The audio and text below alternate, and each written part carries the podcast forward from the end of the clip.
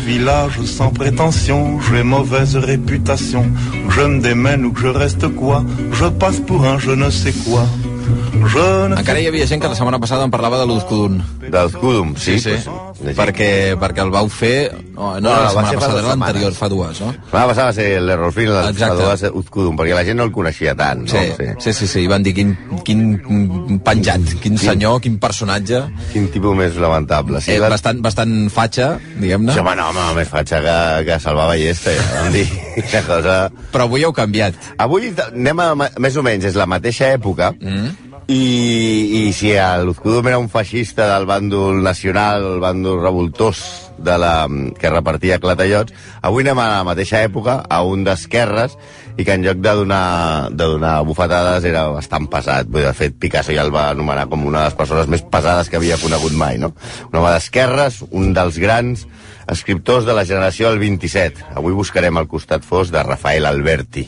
Si Garcilaso volviera, yo sería su escudero. Qué buen caballero era. Mi traje de marinero se trocaría en guerrera ante el brillar de su acero. Qué buen caballero era. Aquest, aquest era Alberti? Aquest és Alberti Recitant, recitant ell sí, himself. Sí. Himself, sí, sí, realment era un home així com molt... que, que s'agra- s'agradava bastant Sí, recitant-se. S'agradava, com diria Cruyff, se, se disfrutava. Però és d'aquella gent que jo no hagués dit mai quina veu tenia. Sí, home, no, per I ara ja- Sí, home, Alberti, Ja li he posat veu. certament, bueno, us, us sonarà pel col·legi, no?, els que heu anat, a, que heu anat al col·le, no? És, va escriure potser un dels llibres imprescindibles de la poesia espanyola, que és sobre Los Ángeles, encara que també té altres eh, llibres bastant més regulars, com per exemple Marinero en tierra, no? Aquestes rimes que feia de marinero amb salinero i que és una mica... No confondre marinero en tierra amb marinero de luces. És molt important, eh? Dir, això cosa és la pantoja i l'altra és el, i l'altra és Alberti, eh, això. Encara que les rimes al final acaben sent bastant semblants, eh? Alberti va inventar la rima perfecta, perquè en un dels seus poemes rima lado del río amb lado del río. per, per tant... Eh, Clavada. És immillorable, sens dubte, és la, allò que us explicaven de la rima sonante, la rima consonante, no, aquesta és la rima, la rima absoluta, no? Però no és a la poesia, oh, que això és molt opinable, on trobem les vergonyes d'Alberti. Alberti va ser un gran poeta, però va ser un mal amic, un fals, un interessat, un aprofitat, un vanitós, absolutament, un adulador de dictadors i un marit més que qüestionable. Ai, Mira. quina arrencada. Mira, eh, es situem a la Guerra Civil. Mhm. Mm -hmm. Una de les primeres escenes més tristes que podem explicar de- de- d'Alberti és quan ell, eh, eh, durant la Guerra Civil, ell i la seva dona, Maria Teresa León, en, a, en el Madrid eh, del front, que hi havia batalles cada dia, Sí. feien festes en plena guerra al Palau d'Heredia Espínola de Madrid. Però festes festasses, amb música, disfresses, alcohol... La mateixa Maria Teresa diu que el Palau seguia conservant la seva negró malgrat les nostres rialles. Bueno, clar, la gent s'està matant i ells, es- i ells es descollonaven aliens a tot el que passava. Magnífic. Quan Ramon Jiménez va Molt dir... de- solidari, tot plegat. Sí, Juan Ramon Jiménez va dir de la colla aquesta de les festes de, de, de, d'Alberti, diu, eren senyorets imitadors de guerrillers i passejaven els seus rifles i les seves pistoles de joguina per Madrid vestit amb granotes blaves molt ben planxats. Doncs bé, resulta que en una d'aquestes festes, que estaven aquí, imagina't allò, tot disfressat, xampany i tal, va aparèixer el poeta Miguel Hernández, que venia de lluitar al front, eh, de veritat. Eh? I escandalitzat per la festa i el xampany que corria per, per la casa mentre al, pel carrer corria la sang, va dir en veu alta, aquí hi ha molta puta i molt fill de puta. Oh.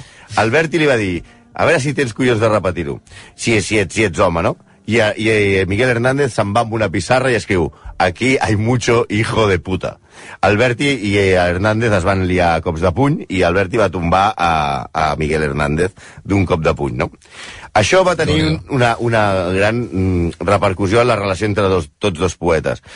Quan la guerra acabava i la cosa semblava que ja no anava massa bé, Alberti, que era l'intel·lectual del, del bàndol republicà, mm -hmm. eh, no va incloure a Miguel Hernández a la llista per refugiar-se a l'ambaixada de Xile, on van anar molts eh, intel·lectuals d'esquerres que van poder fugir d'Espanya. Si el va deixar fora. El va deixar fora. I tampoc no el va incloure a la llista del cotxe republicà que portaria el matrimoni Alberti a Alacant per agafar un avió i anar-se'n al Marroc.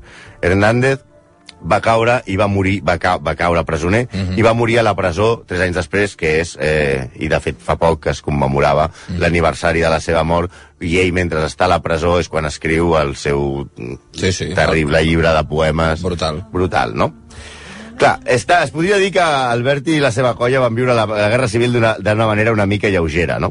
El seu record era d'un temps feliç. Ells, per ells la guerra va ser una, com una mena d'aventura hemingwayana, no?, de que tant els hi feia, perquè realment estaven molt protegits. El col·laborador de La Vanguardia, Andrés Trapiello, va trobar una foto del matrimoni Alberti vestits de militars, que això que deia Juan Ramon Jiménez, no? que els simulava vestir-se de, de, de guerrillers, en plena guerra civil. Li van enviar un escriptor rus dels anys 60 amb la llegenda La Belle Époque. Posa els pèls de punta que ells... Eh, amb, Ells va, va enviar aquesta foto Sí, a, a un... dedicada i amb un escriptor rus posava La La Belle Époque, perquè ells, per ells això de la guerra era una, una, com viure una aventura mentre un país es dessagnava, no? Més coses que van fer a Alberti a la guerra, no? El bàndol republicà va detenir el dramaturg Pedro Muñoz Seca. Pedro Muñoz Seca és l'autor de La venganza de Don Mendo, una de les obres més populars del teatre espanyol de tots els temps, i a més a més és l'avi d'Alfonso Ucia, però no ens consta que l'haguessin detingut per cap d'aquests dos motius. no sabien res encara de Lucia. de Lucía. Del seu net no sabien res, no? D'acord, d'acord. Eh, no constava. Ah, Muñoz Seca era de Puerto de Santa Maria, al igual que Alberti, i recolzava Franco. La família de Muñoz Seca, que es coneixia amb la d'Alberti tota la vida, li va demanar ajuda a Alberti per tal de que alliberessin a Muñoz Seca, que estava que, que, que, que tenia molts problemes en aquell moment, clarament, no? Eh, eh, Alberti estava al comitè d'intel·lectuals antifeixistes i Alberti no va voler escoltar la família de la, dels seus amics. També explica, eh, i sé que va acabar sent afusellat, també explica Ignacio Martínez de Pisón que tampoc Alberti va voler ajudar el traductor José Robles Pazos, que també seria afusellat en plena guerra, tot i que li van demanar ajuda també els seus familiars gracias. Deseamos larga vida al clarividente guía de la clase obrera, Stalin, el hombre de la paz.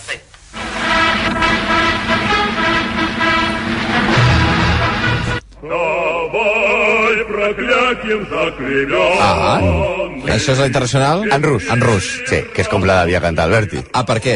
Perquè Alberti va viatjar en nombroses ocasions a la Unió Soviètica. Digue, va, es va exiliar i quan eh, en el temps immediatament posterior a la Guerra Civil eh, Alberti viatja a la Unió Soviètica i és un gran admirador de Stalin. Stalin, Endavant. pels de l'ESO, seria com a, el Sauron de, que organitza la Gran Purga i, i, i va portant a Mordor milers de persones que els anava movent de les repúbliques soviètiques. El de l'ESO ha quedat clar? Sí, perfecte. vale.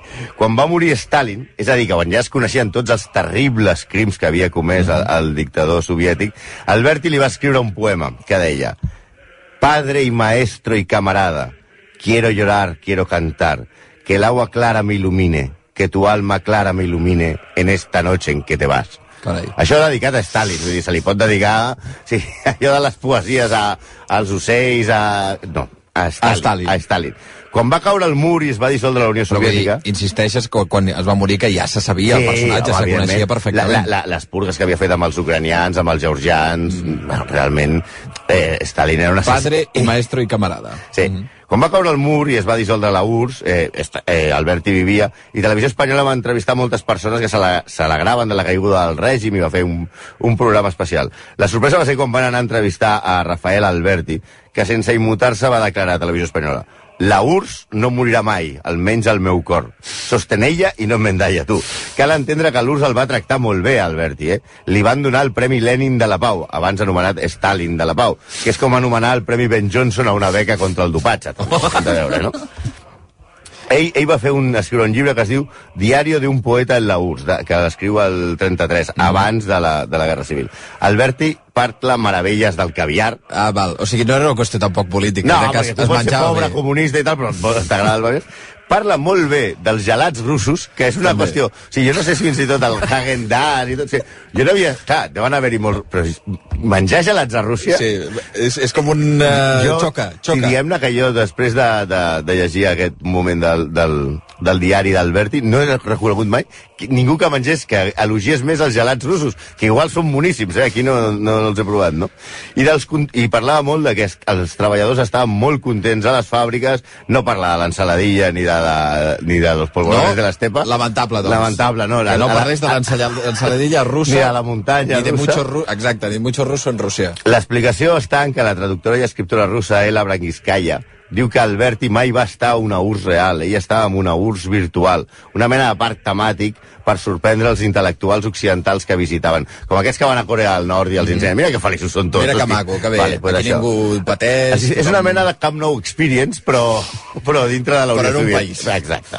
Dice, yo me encantaría ser director del Museo del Prado, como me han nombrado, pero que me dejaran hacer lo que yo quisiera. Yo no me importa nada, ni tengo ninguna vanidad por, por ser director de una... Pero lo que yo quisiera es ciertas molduras maravillosas que hay. Las molduras, ¿eh? no otras cosas. Me las llevaría con mucho gusto para cuadros míos. Això, aquí, és l'última entrevista que vam de sentir a Alberti, el que sonava com a director del Museu del Prado, ell es va proposar com a director, i deia que, bueno, que li agradaria, no tenia cap interès, però que alguna moldura es podria endur per, per, per quedar-se a la casa seva. És que, clar, és que Alberti, aquí això té, té una explicació. Alberti tampoc era un gran amic, i segons sembla, un dels seus grans amics de joventut, el músic i militar Gustavo Durán, que és el que va posar música a Marinero en Tierra, tornem a dir Marinero en Tierra, no Marinero de Luces, ja va ser acusat injustament de amics comunistes a la CIA. Alberti, en comptes de defensar el seu íntim amic, va escriure fredament 15 anys després de la seva mort de «D'això no en sé res i prefereixo no saber-ho». Tampoc el seu col·lega Federico García Lorca s'escapava massa a la seva enveja.